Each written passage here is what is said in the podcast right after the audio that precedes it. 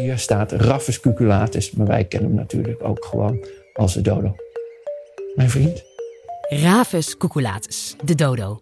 Een raadselachtige vogel die tot zo'n 400 jaar geleden in alle rust leefde op Mauritius.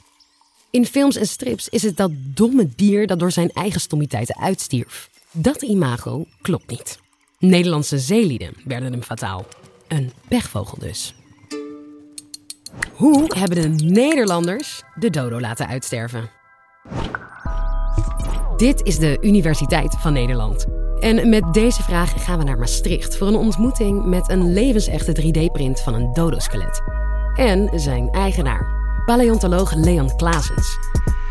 Leon was als klein jongetje al in de weer met alles dat uit de grond kwam. Vanaf mijn vijfde was waarschijnlijk elke steen en elke dierlijk overblijfsel, skelet wat ik tegenkwam, was belangrijk genoeg om in ieder geval in eerste instantie mee naar huis te slepen.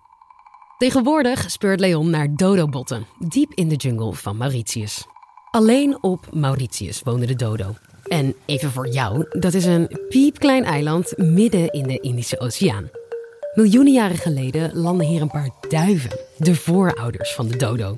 Ze nestelden zich op dit paradijselijke eiland vol eten en zonder roofdieren. Een eiland zonder roofdieren, daar heb je voordeel aan om groot te worden. Als je groot bent, kun je ook meer opslaan. Als ik te veel koekjes eet, dan, hè, dan, dan heb ik in ieder geval ook wel wat extra reserve voor, uh, hè, mocht ik wat langer niet kunnen eten. En uh, ja, als je nergens naartoe kunt vliegen en voor niemand hoeft weg te vliegen, nou, dan is dit hè, ja, een, natuurlijk een potentieel succesvolle manier om te veranderen. En zo evolueerde die duif tot enorme dodo, die niet meer hoefde te vliegen en dat dus ook niet meer deed. Het is een redelijk groot dier, bijna een meter hoog, hè, vanaf, vanaf uh, voethoogte tot, uh, tot zijn kop. Heeft een hele grote schedel, een heel robuuste kaak. Dus die dodo is een duif, maar vroeger zaten ze echt te denken aan roofvogels, gieren en dat soort beesten. Gewoon omdat die kop zo gigantisch is. En dan heb je daar ontzettend kleine vleugeltjes bij, stevige grote achterpoten. Aan die opvallende lichaamsbouw heeft de dodo het imago te danken van dom dier. Dat is dat foute idee van de dodo, wat denk ik echt al gewoon eh, bijna twee eeuwen oud is. Um, maar dat vanuit, vanuit kijken naar de biologie heeft geen enkele basis in wetenschappelijk inzicht. De dodo was eigenlijk perfect aangepast. Deze grote duif leefde miljoenen jaren en er stonden de meest extreme weersomstandigheden. Hoe kon de dodo dan toch uitsterven? Een vraagstuk dat niet makkelijk op te lossen was. Lange tijd was de enige informatie die we hadden afkomstig uit scheepsverslagen. Maar daar staan net zo goed verhalen in over draken en zeemeerminnen. Dus ja, hoe betrouwbaar waren die? Gelukkig, voor de wetenschap dan, namen zeelieden een paar levende dodo's mee naar Europa. Als cadeautje. Daar werd alleen niet al te zorgvuldig mee omgegaan. Daarvan heb je tegenwoordig over uh, een, een, kop en een poot in Oxford. Er is een schedel in Kopenhagen. Er is een snavel in Praag.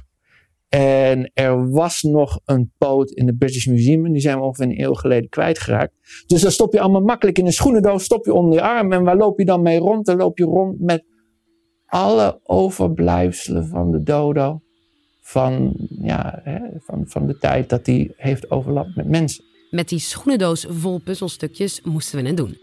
Tot 1865.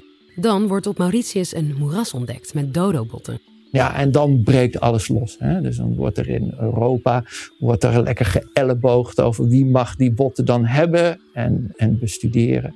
Wordt uiteindelijk Richard Owen, de hele beroemde paleontoloog die ook dinosaurussen heeft benoemd enzovoort.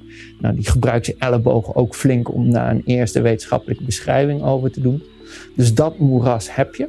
Dan krijg je eigenlijk dus daarna dat mensen een beter idee hebben van wat was een dodo.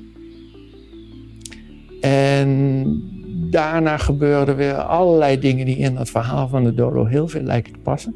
Mensen vergeten waar dat moeras is. Geen grap. Gewoon vergeten door, nou ja, door iedereen eigenlijk. Sterker nog, uiteindelijk werd er zelfs een vliegveld overheen gelegd. Opnieuw einde onderzoek. Totdat jaren later weer ergens anders het allereerste complete skelet wordt ontdekt. waarvan een kopie nu naast Leon staat. Die is niet gevonden door een professionele wetenschapper, voor zover je dat toen ook had. Deze is gevonden door een, een dameskapper.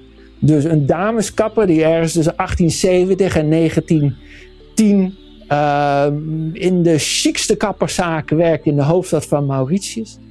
Ja, die hield zoveel van, van natuurlijke historie dat hij op zijn vrije dagen uh, de berghellingen inging. Daar eerst uh, allerlei uitgestorven uh, slakken en schelpjes verzamelde. En kwam er op een gegeven moment snel genoeg dodo-materiaal tegen. Heeft daar dus hele unieke stukken in verzameld. Schreven nu super enthousiast allemaal brieven naar grote wetenschappers. Hè. Cambridge in Engeland schreef naar Parijs. Maar kreeg daar eigenlijk geen gehoor. Ruim 100 jaar later zag onze paleontoloog Leon de ontdekking wel voor wat het was. Deze dameskapper, Louis-Étienne Thiriou, vond namelijk het enige complete skelet ooit. Het inspireerde Leon om zelf de steile berghellingen op te gaan. We hebben twee expedities eigenlijk opgezet. Een grote en een soort kleine voorverkenning. En wat we daarin vinden is inderdaad dodo-materiaal. Maar ik vind ook ratten, ik vind uh, shrews, spitsmuizen heet dat volgens mij in het Nederlands. Ik vind eigenlijk van alles. Die vondsten bevestigen hoe de dodo is uitgestorven. Door de komst van Nederlandse zeelieden. 1598 komen de allereerste Nederlandse zeelieden op Mauritius aan. Het is toch eigenlijk die komst van de mens op dat eiland, waardoor de dodo ontzettend snel in minder dan een eeuw verdwenen is. Maar niet omdat onze over, over, over, over, overgrootvaders en moeders een kookpot op het strand hadden staan en er allemaal uh, hè, dodo hebben zitten eten. We weten zelfs hè, vrij zeker dat ze dat maar heel beperkt gedaan hebben. Ze noemden het een walgvogel. De schuldigen zijn de dieren die door Nederlanders zijn meegenomen, zoals geiten en varkens. Ook liften een heleboel ratten mee aan boord van de schepen. Mauritius is voor zeelieden, is een tankstation. Dan ga, je, hè, ga je dingen halen. Dus als je daar wat varkens uitzet en je komt twee jaar later terug, nou, dan heb je daar allemaal varkens om te vangen. Uh, ratten, ik hoop niet dat je ze ooit ergens in je huis hebt, maar hè, voortplanting van die knaagdieren gaat natuurlijk ontzettend snel. zijn ontzettend succesvolle dieren. En op het moment dat die dan komen op een eiland waar je een grote vogel hebt die niet meer kan vliegen, maar die eieren, die nesten, die moeten op de grond hebben gelegen. Ja, dat is natuurlijk uh, het Walhalla. Hè? Dat is een, uh, een gratis tropisch buffet.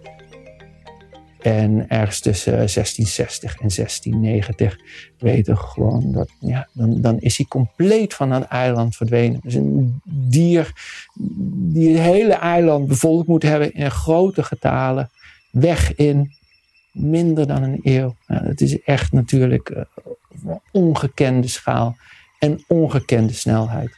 Een tragisch eind met een oranje randje. Leon, ook namens de dodo, dankjewel voor je verhaal. Thuis heb ik een tiener en die zegt van, oh, dit hoef ik niet te horen. Wil je elke week nieuwe wetenschap in je feed? Abonneer je dan. Gratis, helemaal voor niets.